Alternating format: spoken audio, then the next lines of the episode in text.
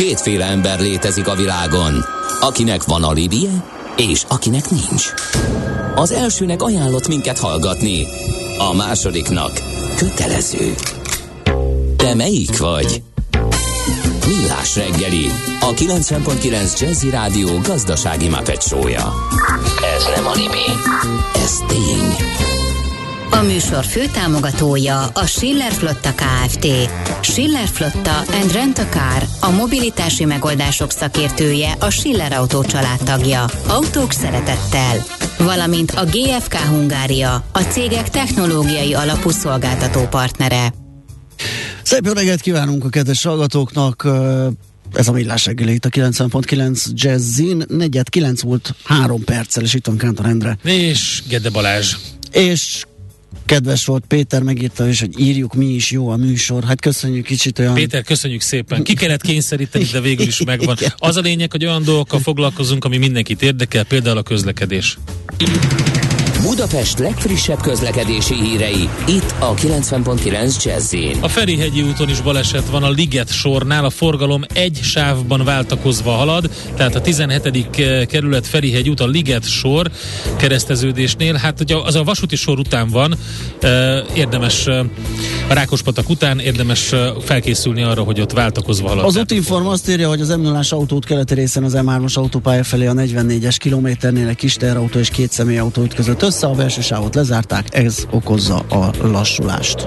Tisztelt adózó! Megállapítás nyert, hogy az adózás rendjéről szóló többször módosított törvény a továbbiakban ART több paragrafusa is értelmezési nehézséget okoz önnek. E tényállás következtében az ART paragrafusaiban foglaltak nem segítenek önnek adókötelezettségei teljesítésében.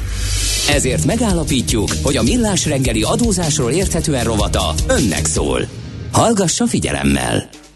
Na kérem szépen a kriptovaluták, devizák adózása került terítékre. Megnézzük, hogy mit jelent ez a 2022. január 1-től életbe lépő új alapvetően kedvezőbb szabályozás a kriptovaluták adózásában. Megnézzük, mi volt előtte, mi változott, mindenben Jancspék Judit lesz a segítségünkre a Leitner Leitner vezető tanácsadója, partnere. Szia, jó reggelt! Jó reggelt, szia Balázs, és üdvözlöm a hallgatókat is. Hát Nos. van itt 8%-os emelkedés éppen a bitcoin árfolyamában, azt néztem, egyre nagyobb az érdeklődés természetesen, és ezt szerintem a magyar piacon is látszik. Itt már csak az a kérdés, hogy vajon, vajon tudja mindenki, hogy hogy kell ezután adózni, illetve egyáltalán tisztában van-e vele, hogy adózni kell? Valóban, ez mindenképpen egy aktuális téma, nem csak a jelenlegi helyzetek, helyzet miatt, hanem gyakorlatilag azért is, mert egy új adótörvény bevezetéséről is szó van. Nézzük meg, hogy valóban mi volt korábban, hiszen gyakorlatilag az a helyzet, hogy mindez idáig, tehát 2022. január 1 -e előtt nem volt definiálva a kriptovalutáknak a fogalma, uh-huh. illetve az ezzel kapcsolódó, ehhez kapcsolódó adózási kérdések, ami gyakorlatilag azt a nehézséget okozta, hogy az adóhatóság különböző állásfoglalásaira, vagy más általános alapelvekre kellett visszavezetni azt, hogy vajon milyen adó következményekkel kell számolni, és bizony ez nagyon magas adó terhet eredményezett azok számára, akik jogkövető módon bevallották erre a kategóriára az adót, hiszen gyakorlatilag két típusú jövedelmet lehetett, illetve kellett ezzel kapcsolatban kezelni. Az egyik ilyen az gyakorlatilag, hogy a különböző eszközökből ilyen kriptoeszközökből származó bevételt azt a magánszemélyek önálló tevékenységéből származó jövedelembe kellett besorolni, ami kapcsol, amelynek kapcsán gyakorlatilag egy 10%-os költséghányadot lehet figyelembe venni, és ezt 15% személyi jövedelemadóval és szociális hozzájárulási adóval kellett adózni. Ugye a szociális hozzájárulási adó, amelyik folyamatosan csökkent, és 2021-ben 15,5 százalékos volt, úgyhogy így gyakorlatilag a tavalyi évre a 27,45 százalékos mértékig jutott ennek a adónak a, a gyakorlati effektív adóterhe. Judit, az, hogy 10%-os költséghányadot lehetett figyelembe venni, ez egy ilyen ökölszabály, tehát ezt automatikusan lehetett levonni, nem kellettek költségszámlák, meg ilyenek. Tehát a jövedelem 90%-ára kellett vetíteni akkor ezeket a ö, adókat, ugye? Így van, ennek a jövedelem kategóriának ez az előnye, Aha. hogy gyakorlatilag nem számlák alapján, hanem egy vélelmezett költség. Aha, nem firtatja, alapján. hogy mibe került, meg hogy bizonylatolod, meg stb. Nem azt mondja, hogy 10% és kész. Uh-huh. Oké. Okay. Így van. A másik kategória ez a kriptoeszközök adásvétele, mint kereskedelmi nyereség volt adóköteles, amely már úgynevezett egyéb jövedelemként volt klasszikusan kezelendő. Itt, hogyha nem kifizetőtől származott a jövedelem, a bevétel nyereség, akkor gyakorlatilag annak a 87%-ára kellett a 2021-es 30,5 százalékos adót megállapítani, tehát megint csak a személyjövedelem adót és a szociális hozzájárulási adót kellett nézni, és így 26, hát 535 ezred volt a tényleges adókulcs, tehát itt is egy rendkívül magas adóteherrel kellett számolni. A két kategória, tehát az egyéb jövedelem, illetve az önálló tevékenység mindkettő az úgynevezett összevont adóalap részét képezte, amelyekkel szemben bizonyos kedvezményeket, mint családi kedvezmény, elsőházasok kedvezménye érvényesíteni lehetett, tehát gyakorlatilag ez volt a múlt. Uh-huh. És akkor yeah. az idei évtől jött ez a változás, ugye? Most január 1-től. Így van. 2022. január 1-től egy új időszakba lépünk, méghozzá azért, mert egyrészt ennek a kriptoeszközzel kapcsolatos tevékenységnek immár definiálják, hogy mi a tartalma, méghozzá azt mondja a jogszabály, hogy kriptoeszköznek minősül az érték vagy jogok digitális megjelenítője, mely megosztott főkönyvi technológia vagy hasonló technológia alkalmazásával elektronikusan átruházható és tárolható. Megpróbálták Igen. megfogni a, a fogalmat. Nagyon tág ö, dologról van itt szó, és hát lényegében az új szabály annyiban rendkívül kedvező, hogy csak személyjövedelemadót kell fizetni utána, ez ugye 15 százalék, szociális hozzájárulási adó immár nem fel sem merül ezzel a jövedelem kategóriával kapcsolatban. A szabály pedig az, hogy alapvetően akkor keletkezik adókötelezettség, amikor a kriptoeszköz kikerül a virtuális térből, tehát uh-huh. például amikor a digitális valutát átváltjuk erre az úgynevezett fiat pénzre, hm. ami például lehet a, a forint vagy az euró, uh, illetve bármely más vagyoni értékre, tehát amikor a digitális, virtuális pénzből valamilyen más deviza vagy vagyoni érték lesz. Az érdekes akkor, tehát hogyha vásárolunk vele, akkor, és, és nem mondjuk ért, olyan Igen. értéket, mondjuk arany, vagy, vagy ehhez hasonló, vagy, vagy bármi magasabb értékű tárgyat, hanem egyszerűen vásárolunk vele az interneten, akkor ezek szerint nem követ, akkor, a, onnantól, akkor addig adómentes? Tehát, hogyha van egy ügylet, mondjuk, ö, ugye mondjuk bitcoin ethereum relációban, két kriptó eszköz, és nyerek, mit tudom én, 1000 ethereumért vettem a bitcoint, és 1200 ért eladtam, kerestem 200 ethereumot, de nem váltom át fiát devizára, hanem a 200 ér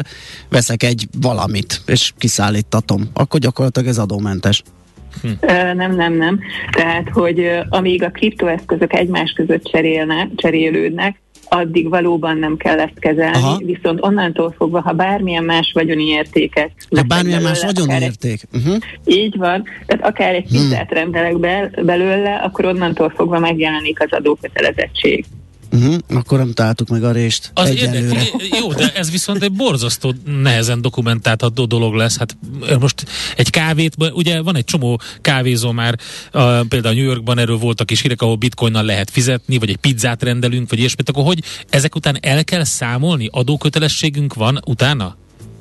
E, igen, tehát gyakorlatilag ugye, ha belegondoltok, bármilyen tőzsdei tőkejövedelem. Igen, stimmel. is rendkívül komoly adóadminisztrációs kötelezettségek vannak. Na hát a kriptoeszközök kapcsán ugyanilyen komoly adminisztrációs kötelezettség merül föl, És én azt mondom ezzel kapcsolatban az adó alanyoknak, a, a, azoknak, akik ezzel a, a, akár kriptoeszközzel, akár tőkepiaci eszközökkel foglalkoznak, hogy a saját érdekük, hogy ezt nyomon tudják követni. Ráadásul, hogyha majd nézzük a további szabályokat, akkor bizony a kriptoeszközök esetében még inkább fontos, hogy észszel álljon hozzá az ember az adó kötelezettségeknek, mert én azt gondolom, hogy a részletszabályok és buktatók bizony megkövetelik. Um, folytassuk talán azt, Jó. hogy milyen adókötele... Tehát, hogy milyen adókötelezettségek vannak. Egyrészt a jogszabály bevezetett bizonyos adómentességeket. Gyakorlatilag a, a nagyon kísértékű ügyletek esetében van ilyen lehetőség, hogyha az adott napon ö, létrehozott ö, kriptoügyletek vagy más hasonló ügyletekből a bevétel nem haladja meg a minimálbér 10%-át, Uh, illetve ha az adott adóévben a bevételek összege nem haladja meg az adott évi minimálbér értékét, akkor nem kell utána adót fizetni, illetve nem is kell ezt bevallani, megállapítani. Ezek azt gondolom, hogy azért a kripto világban nagyon alacsony értéknek számítanak, szóval gyakorlatilag inkább az adókötelezettségre kell számolni. Ugye beszéltünk a 10%-os költségeltalányról, viszont ezt már az új szabályok mentén nem lehet figyelembe venni, tehát nincs automatikus költségelszámolás, viszont van lehetőség a különböző igazolt költségek elismertetésére, tehát például, ha kriptoeszközt vásárolunk, a megszerzésre fordított igazolt kiadás az csökkenteni fogja a bevételt, tehát a különbözet után fizetjük majd az adót, illetve ha a bányászat ugye a kriptoeszköz előállításához van valamilyen fűződő kapcsolódó költségünk, akkor ezeknek az rendszereknek számítógépes rendszereknek uh-huh. az üzemeltetési költségeit is le lehet vonni a, a bevétel. Korlát nélkül? Mert itt igen magas villanyszámláról beszélünk időnként. Korlát nélkül, de ugye gyakorlatilag azt azért meg kell tudni Aha. mondani, hogy mi az, ami kapcsolódik. Tehát a, Egyébként a lakás világításához kapcsolódó villanyköltségeket már nem. Igen, tehát valószínűleg ezeknek az eszközöknek az áramfelvétele, ugye az tisztázott, az ott van az adatlapján, és abból valahogy ki lehet számolni, mennyi Közben áramot aktivizálódtak a hallgatók, akik eddig figyelték a pizza rendelésnek a történetét. 2021 évben elszenvedett veszteséget vajon fel lehetett Na, hogyha már az értékpapíros analógiát hoztuk, ugye, ahol összevezethetők ezek, ott most mi a helyzet a kriptóknál? Így van, tehát pontosan ez a, az analógia következik, hogy a tőke jövedelmeknél ismerjük ezt az úgynevezett adókiegyenlítést. No, a kriptoeszközök esetében is érvényes lesz ez, méghozzá úgy szól a szabály, hogy a, az előző két évben keletkezett veszteséget fogjuk tudni adókiegyenlítésként figyelembe venni, viszont azért ennek vannak feltételei, Ugye egyrészt ezt a veszteséget konkrétan a bevallásban föl kell tüntetni. Tehát a korábbi években ugye ilyen lehetőségünk nem volt, tehát a 2020-as évre még nem volt. 2021-re viszont van egy átmeneti szabály, ami alapján már ezt az ügyleti veszteséget a 2021-es évről szóló adóbevallásba be lehet majd írni, tehát nagyon fontos, hogy aki kriptoeszközökkel foglalkozik, az a, az idén május 20-ig esedékes 2021-es bevallásába ezeket a veszteségeket már feltüntesse, hiszen akkor ez fogja megteremteni neki a lehetőséget, hogy a következő két évben ezt használni tudja. Az is jó hír, hogy azok, akik eddig nem adóztak a bevételeik után, öt évre visszamenőleg egy gyakorlati adóamnestiát kapnak, hiszen rájuk a 2022-es szabályokat lehet majd alkalmazni 2022-től, tehát az, az majd nem a mostani, hanem a következő adóbevallásban lesz esedékes. Uh-huh. Egy hallgató jó kérdést tesz fel, hogy mi az adóalap uh, bányászat után. Tehát ugye a bányász kap valamennyi, hát nem egész bitcoint, hanem valamennyi szatosit, aztán ott, ott, ott lesz egy, annak egy dollár ellenértéke, ott kell egy dollár árfolyamot, vagy egy dollár forintot is számolni, úgy lehet forintosítani. Ezek hol, hol milyen árfolyamon történnek vajon? Uh-huh. Tehát a magyar uh, személyi jövedelem, jövedelemadózásban mindig az a szabály, hogy uh, forintra kell meghatározni Igen. a jövedelmeket. Uh, hogy milyen árfolyamon, az pedig majd attól fog függni, hogy mikor uh, történik az, hogy ebből a virtuális térből kikerül a, a kriptoeszköz. Ja. Tehát a bányászat során... Ja, ja, akkor ugyanott vagyunk, aha. Létrehozom, akkor ott még nincs adózás. Igen. Akkor lesz adózás, amikor felhasználom. Uh-huh. Jó, oké, okay, tiszta. A másik, az meg a saját kérdésem, bocsáss meg, hogy ugye itt említetted ezt az éves minimálbér összegét, hogy addig nem kell vele foglalkozni. Mi van utána, hogy az a fölötti rész adózik, vagy hogyha én ezt pont átlépem 2000 forinttal, akkor megszívtam, mert akkor az egészet ö, terheli a, a, az adó mértéke? Én ezt úgy értem, hogy, ö, ne, hogy ezt, ezt a jövedelmet ö, mentesíti a jogszabály az adókötelezettség Aha. alól, tehát a fölötte lévő ö, részre. Szól az adókötelezettség. Az, uh-huh. az lenne logikus, igen. Ö, Jó, Mondanék még egy pár buktató Jó. figyelemfelhívó jelleggel, mert bizony az a helyzet, hogy tényleg nagyon előremutató a magyar szabályozás, nagyon kevés más országban van erre vonatkozó definíció és ilyen szép új szabályrendszer, viszont az a helyzet, hogy még így is vannak benne rések. Például az, hogy a, ezeket az új szabályokat csak azokra az esetekre lehet alkalmazni, amely során a magánszemély bárki számára megköthető, elérhető ügyletben szerez kriptoeszközt, illetve ennek az átruházása révén valamilyen vagyoni értéket. Tehát gyakorlatilag, mint hogyha csak a tőzsdei ügyletek lennének ide sorolva, ha ezt a mm, kereskedelmet, értékesítést, ez zárt körű ügylet esetében tesszük, akkor a jogszabály, az új szabályrendszer már nem vonatkozik ezekre az ügyletekre, és innentől fogva gyakorlatilag visszakerültünk abba a korábbi, hogy mondjam, kezeletlen időszakba, amikor nem marad más, mint az egyéb jövedelem, illetve az önálló tevékenység, tehát megint visszakerülhetünk a, a korábbi magas adóterhek alá.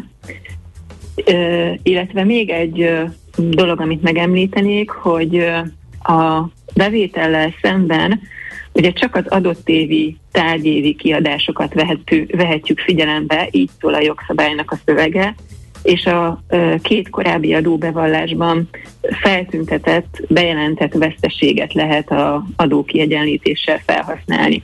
Ez azt fogja eredményezni, hogy gyakorlatilag a kriptoeszközeket hosszú távon nem érdemes tartani, hanem időről időre realizálni kell az ezzel kapcsolatos nyereségeket, hogy meg tudjunk maradni a kedvező adó kategóriákon belül. Aha, akkor ehhez kapcsolódik az a hallgatói kérdés, ami szerintem egy igen, de válaszol meg azért te, hogyha kriptotősdén váltom fiátba, de még nem utalom ki bankszámlára, majd ismét vásárolok kriptót, akkor is keletkezik adókötelezettség? Igen, igen, megerősítem, hogy igen. Tehát a, a tőzsdei jövedelmeknél is ugyanez a helyzet. Igen, ebből az analógiából hogy... indultam ki én is, hogy ez ugyanaz.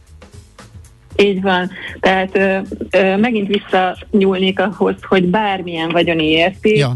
ö, és gyakorlatilag nem kell, hogy én elköltsem azt uh-huh. a mhm. pénzt, ha újra befektetem, de, de realizáltam a ö, korábbi felhalmozott nyereségeket, akkor bizony megkeletkezik az adókötelezettség. Világos. Hát nagyon sok mindent megbeszéltük, köszönjük szépen, nem lepődnék meg, hogyha azért egy pár, pár hívás érkezne hozzátok.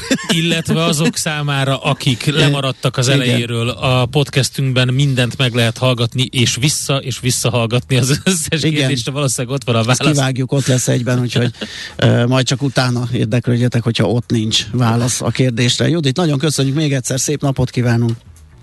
Nagyon szívesen, és hát teljesen igazatok van, rengeteg buktató és részletszabály van ebben a történetben, úgyhogy emiatt tényleg érdemes átgondolni, konzultálni ezzel kapcsolatban akár adószakértővel. Igen, főleg ha valaki uh, nagyban csinálja ezt, akkor, akkor főleg, igen. mert ott lehet probléma. Uh-huh. Oké, okay, köszönjük szépen, Köszi, szép napot, jó munkát! Köszönöm nektek is, és üdvözlök a hallgatóknak is! Jancsapek Judittal, a Leitner Leitner vezető tanácsadójával, partnerével váltottunk pár szót a kriptó devizák adózásáról, ugyanis megváltozott mindez 2022. január 1-től. A törvény által kiszabott adózásról érthetően robotunk hangzott el. Aranyköpés a millás reggeliben. Mindenre van egy idézetünk. Ez megspórolja az eredeti gondolatokat. De nem mind arany, ami fényli. Lehet kedvező körülmények közt gyémánt is. Juliette Binos, francia színésznő, született ezen a napon 1964-ben egyéb iránt. E, többek között azt mondta, a színészet olyan, mint a hagymapucolás. Minden egyes réteget le kell venned, hogy felfedd a következőt. Amikor először olvastam, azt hittem, hogy, hogy elsírod magad a ja, teljesítményt, de utána nem Aztán erre gondolt. A, ugye? Igen. Na, igen. De ezt a Shrek is mondta. Hogy Abszolút. A, hogy, hogy, hogy, Valamire. Igen. A, a, az, ogre. Az ogre az olyan, mint olyan, a hagyma. Igen. ugye, de, de, talán jobban elfogadjuk igen. Juliette Binostól, ugye hát sokat köszönhetünk neki. Az angol betegért kapott Oscar díjat, legjobb női mellékszereplő 97-ben, aztán a csokoládéért is jelölték 2001-ben. De várja, akkor viszont a, a színésze, mint egy ogre. A színész, ja, nem, mint a hagyma. Igen. De, mint a hagyma. Igen, igen. Akkor, a színész akkor olyan, mint a, mint a Shrek. Mint a, Ugyanaz. Igen, gyakorlatilag. Senki fia, apropó szerelem, bűnös viszonyok, Mária Magdolna, Rejtély, rengeteg jó filmben láthattuk Juliette Binost. Aranyköpés hangzott el a millás reggeliben. Ne feledd, tanulni ezüst, megjegyezni arany. Egy jó ötlet, már fél siker. Az innováció, kreativitás hajtja a GDP-t, növeli a versenyképességet, munkahelyeket teremt. Kigondolni nehéz, eltulajdonítani azonban könnyű. A nemzeti tudásbázist és a kulturális vagyont hatékonyan kell védeni. A szellemi tulajdon kincset ér. Gondolkodom, tehát vagyon. A rovat támogatója a Szellemi Tulajdon Nemzeti Hivatala. Nos, hát egy, egy nőnapi adás ez, hiába van kilencedike, mert ugye a hölgyekkel foglalkozunk, akik feltalálóként is tudnak kiemelkedőt alkotni, és ez, ez bizonyítja a a mm, Szellemi Tulajdon Nemzeti Hivatalának 1896-os megalapítása óta felelhető ö, mindenféle szabadalom és védjegyoltalom, amelyek között számos hölgy beadványa is ott van. Ezekről fogunk beszélgetni Pomázi Gyulával, a Szellemi Tulajdon Nemzeti Hivatalának elnökével. Jó reggelt kívánunk! Jó reggelt kívánok én is mindenkinek! Mit lehet elmondani, milyen területeken alkotnak kiemelkedőt a hölgyek? Hát minden területen, azt kell, hogy mondjam, ez szinte természetes. De hogyha már ilyen uh, uh, találmányokat emlegetünk, akkor a napenergia hasznosítás, génterápia, szöveti hegesedés, gátló eljárások, cserélhető fejű hajrisnya, és egy elképesztő mennyiségű a napi praktikus dolgokat támogató új találmány kötődik a hölgyeknek a, a nevéhez, és egy olyan mennyiségű novumról beszélünk itt, ami arányait tekintve sem elhanyagolható mára már, és azt kell, hogy mondjam, hogy a hölgyek ilyen jellegű teljesítménye, ami a kutatásfejlesztés innovációs feladatoknak vagy és tevékenységeknek tevékenységeknek a, az eredményeként megszületik, ez mindig nagyon izgalmas kérdéseket hoz.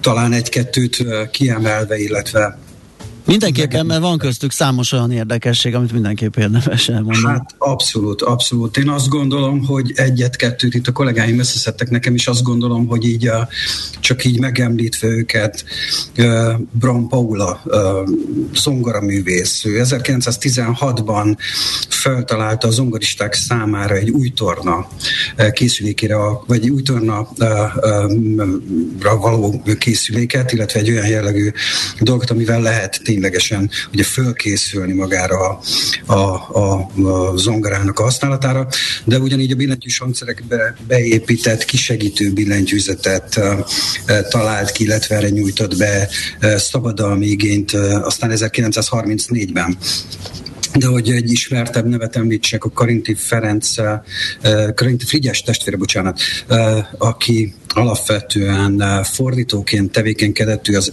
Karinti Emmi, ő egy kicserélhető fejű harisnyát talált ki és szabadalmaztatott ugye a 30-as évek elején, ami azt gondolom, hogy így a harisnya elődjeként egészen izgalmas új donságot hozott a női, női öltözkedésben. Freiberger Klára, aki a második világháborúban kitalálta a belső világítással rendelkező kézitáskát, mint olyat.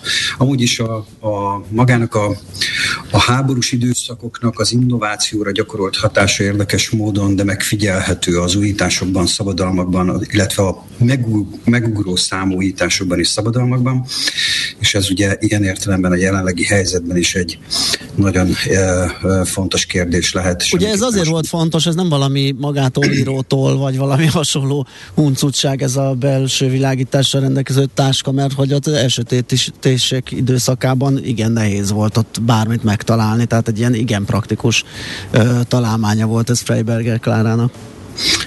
Abszolút, és beszélgettem most Ukrajnában élő és dolgozó haditudósítókkal, Aha. akik említettek azt, hogy most is vannak olyan jellegű újdonságok, találmányok, ami a hétköznapi túléléshez szükséges feltételeknek a, a, az újításait hordozza.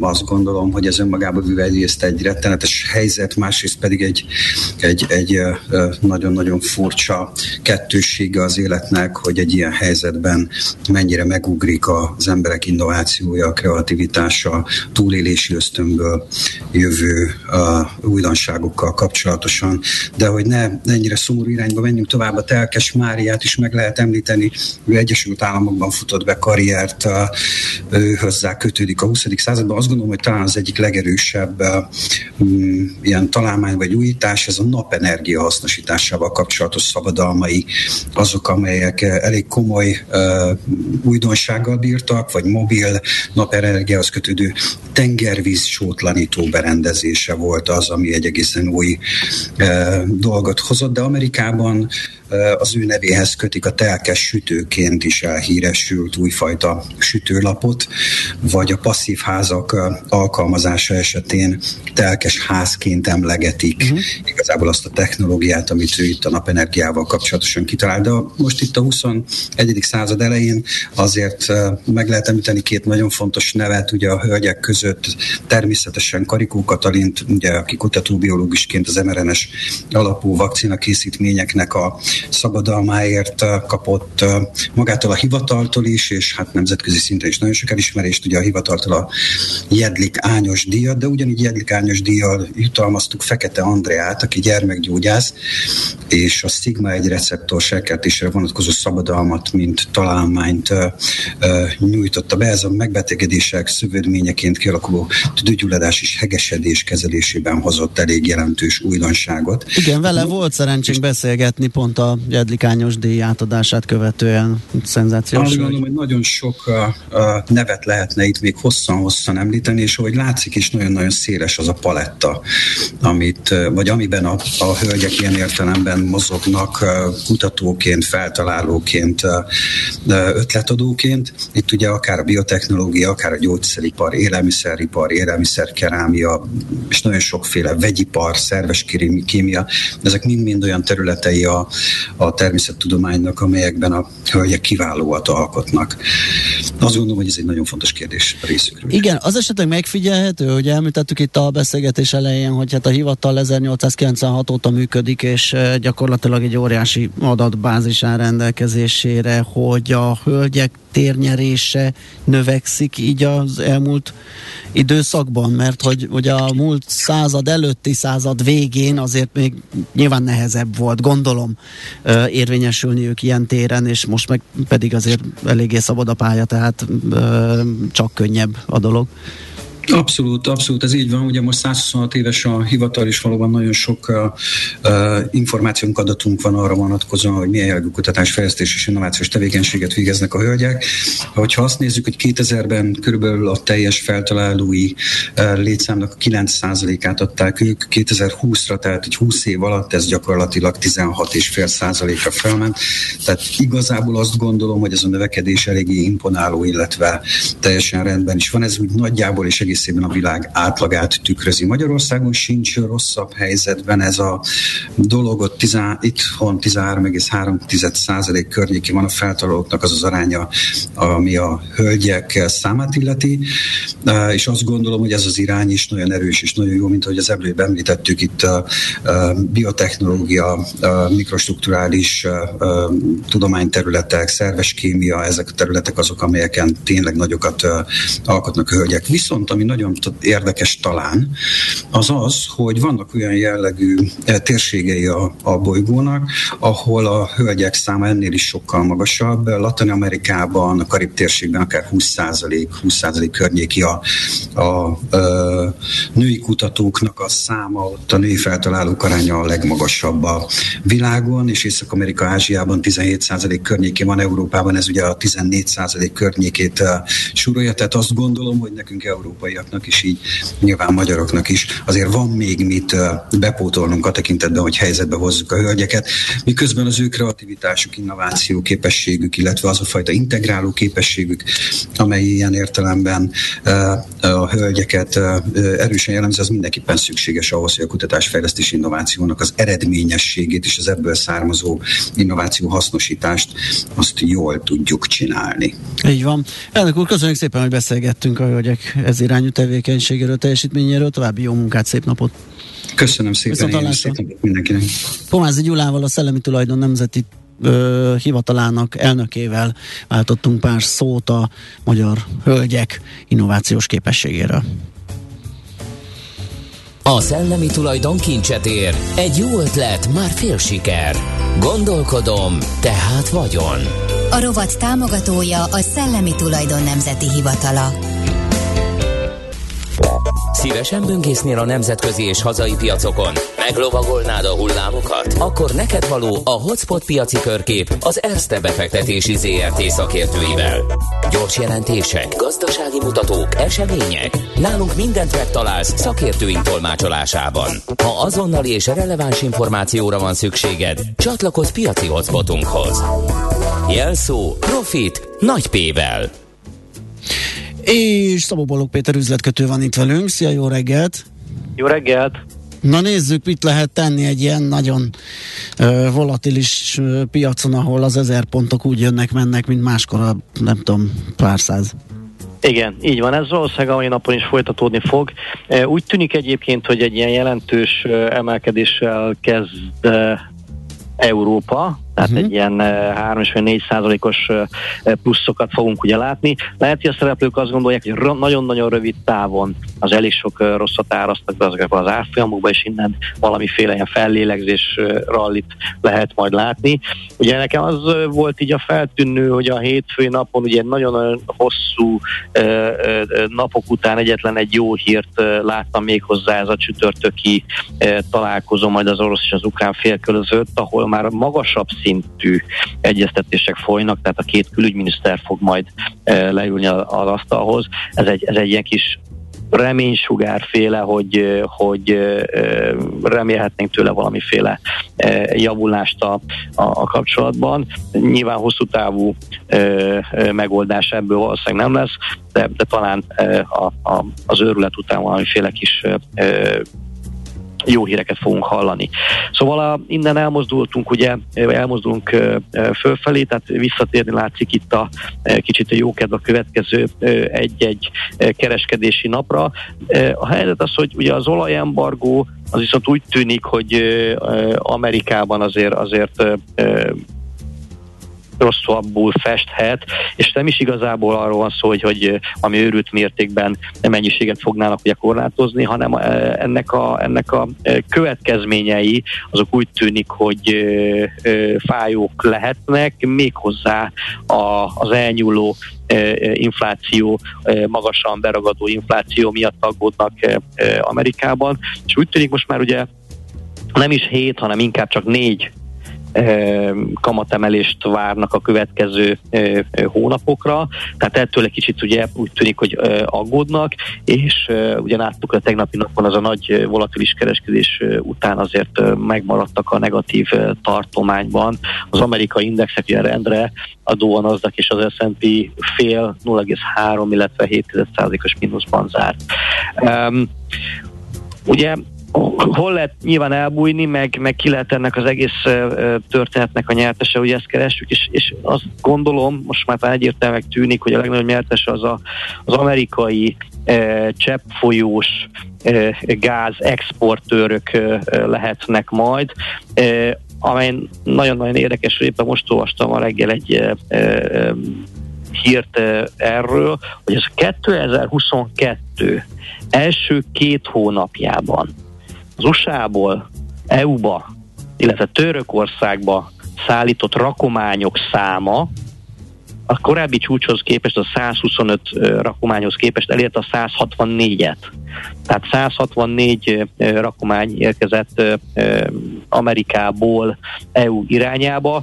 Ugye a szállítók, itt gondolok ezekre kereskedő, gáz kereskedő cégekre, ami számunkra egyelőre még ugye nem nagyon ismertek, ez a Trafigura nevű cég, vagy a Gunvor, ők inkább bevállalják a rakományonkénti 11-12 millió dolláros büntetést, csak látva, hogy itt Európában e, e, mekkora kereslet uh-huh. van e, erre a megoldásra.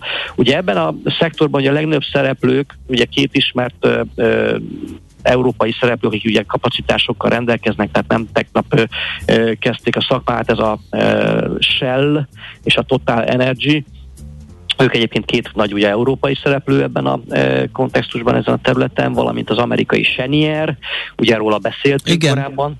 A Nekik LNG a tickerkódjuk, ugye? Így van, LNG a tickerkód, tehát ők már egy e, e, régóta e, működő e, kapacitásokkal rendelkező e, vállalatok, és persze ugye 2022-re, ugye ebben, a, e, ebben az évben ugye e, várakozások szerint kettő nagy LNG e, projekt e, indulhat Amerikában. Nyilván azt tudjuk egyébként, ez nagyon-nagyon hosszú időszak, még ezek a terminálok felépülnek, tehát nem lesz ebből azonnal megoldás.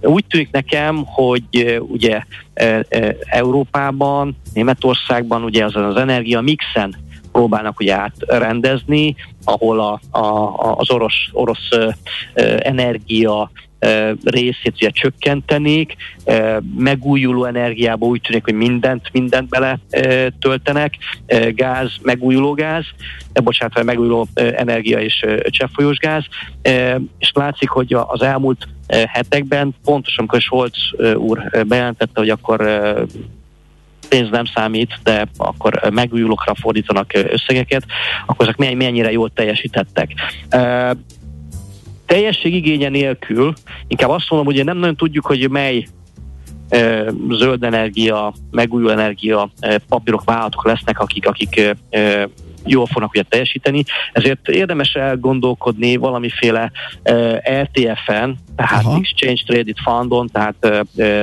tőzsdére bevezetett befektetési jegyekről van szó, ugye Börze Frankfurton uh, lehet ilyeneket találni, amelyek uh, rengeteg számos uh, uh, ilyen jellegű vállalatot tartalmaznak, uh, például uh, Nordex, a német bőrzére bevezetett spanyol résztulajdonosokkal bíró szél turbina gyárról van szó, vagy akár SMA Solar. Tehát, hogyha nem nagyon tudjuk, hogy mely egyedi vállalatot keresünk, vagy terület az, ami, amiben gondolkodunk, akkor érdemes megfogad, megnézni ezeket az RTF-eket, nagyon-nagyon fontos, hogy nézzük ezt meg, hogy mi van igazából benne. Tehát ez lehet egy, egy, egy olyan gondolatébrest, amit nyilván lehet a portfóliókban majd jobban megvizsgálni. Vannak még ugye vállalati híreink, ugye volt egy Apple termékbemutató, ugye tegnapi napon, lehet, hogy erről már ugye hallottunk, hogy jön az újabb olcsó iPhone, azt hiszem a 13-as sorozatnak hívják, egy iPad Air nevű frissítés, chip frissítés is érkezik, tehát úgy tűnik, hogy azért valamit hogy megtudunk ugye az új termékekről. Ezeket azt hiszem március 18-tól lehet vásárolni ezeket a termékeket, és ugye az a várakozás, tehát az új iPhone-tól ugye 30 millió darabos értékesítés lesz 2022-ben. Összehasonlítás képez a 12-es sorozat azt hiszem 100 millió darabot adtak el ebből a készülőkből. Nagyon fontos a következő napokra nézve, hogy nézzük, hogy a, a mely vállalatok hogyan, mit gondolnak a, a tevékenységükről, és ugye befektetői napokat fogunk látni, azt hiszem talán holnap a, a Deutsche Bank fog majd egy ilyen befektetői napot tartani. Ezeket nyilván kiemelt figyelemmel fogják kísérni majd a, a szereplők. Ha már bankok, az Unicredit ö, ö, felfedte lapjait, és, és ugye ö, megmutatta, hogy mekkora kitettséggel rendelkezik Oroszország-Ukrajna irányába és azt lehet mondani, hogy ha mindent, mindent, mindent bebuknának, mindent le kellene írni, az, az határon átnyúló kitettség mi egymás, az körülbelül ilyen 8 milliárd euróról van szó. Miért fontos mindez? Ugye emlékszünk, az Unicreditnek van egy részén visszavásárlási programja, amely, amely egy ilyen 2,5 milliárd eurós összegről szól, ezt azt hiszem tavalyi végén mondták, annak nagyon örültek a, a, a, a részvények, és a részvényesek, a ugye egészen 15 euróig repült a tavaly év végén, ez év elején, majd onnan ugye láttuk, hogy 10 euró alá esett. Most miért fontos mindez? A kapitalizációja az Unicreditnek immárosan 20 milliárd euró alá esett, és ezzel a 2,5 milliárd eurós részvény visszavásárlása, amennyiben a tőkemutató ezen a 13% körül marad, akkor ugye eh, jöhet a eh, illet, folytatott a részvényvásárlás. Ez azt jelenti, hogy a részvényeknek kb. 10%-át jelenti. Tehát, hogyha nem romlik tovább a helyzet, akkor úgy gondolják Unicreditnél, hogy, eh, hogy a, a részvényvásárlás az, az, az megtörténhet, és egész jelentős, tehát a kapitalizáció részvényeknek mintegy 10%-át vissza tudják majd vásárolni. Maradhat akár még az osztalék is, ami ilyen fél eurót jelent részvényenként. Um, Hát így kezdjük, azt hiszem a mai Aha. napot. Inflációs adatok jönnek majd talán még csüttörtökön, ugye két fontos, talán az LKB is fog majd e, összeülni, valamint a, ugye a az orosz-ukrán felek e, tárgyalnak, és akkor innen várjuk egyébként a jó híreket. Nagyon fontos, hogy, hogy e, ha valamiféle egyedi várakozásunk van valamiféle vállalattal kapcsolatban, akkor azért igyekezzünk lefedezni, tehát valamiféle indexet is tegyünk az ellenoldalra, tehát azért legyünk nagyon óvatosak, használjuk nyilván stoppokat. Világos. Oké, okay, nagyon köszönjük, jó munkát, szép napot! Köszönöm szépen, Szia. szervusztok! Szabó Balog Péter üzletkötővel beszélgettünk. Hotspot piaci körkép hangzott el az ESZTE befektetési ZRT szakértőivel. Ha azonnali és releváns információra van szükséged, csatlakozz piaci hotspotunkhoz. Jelszó Profit nagy P-vel. Műsorunkban termék megjelenítést hallhattak.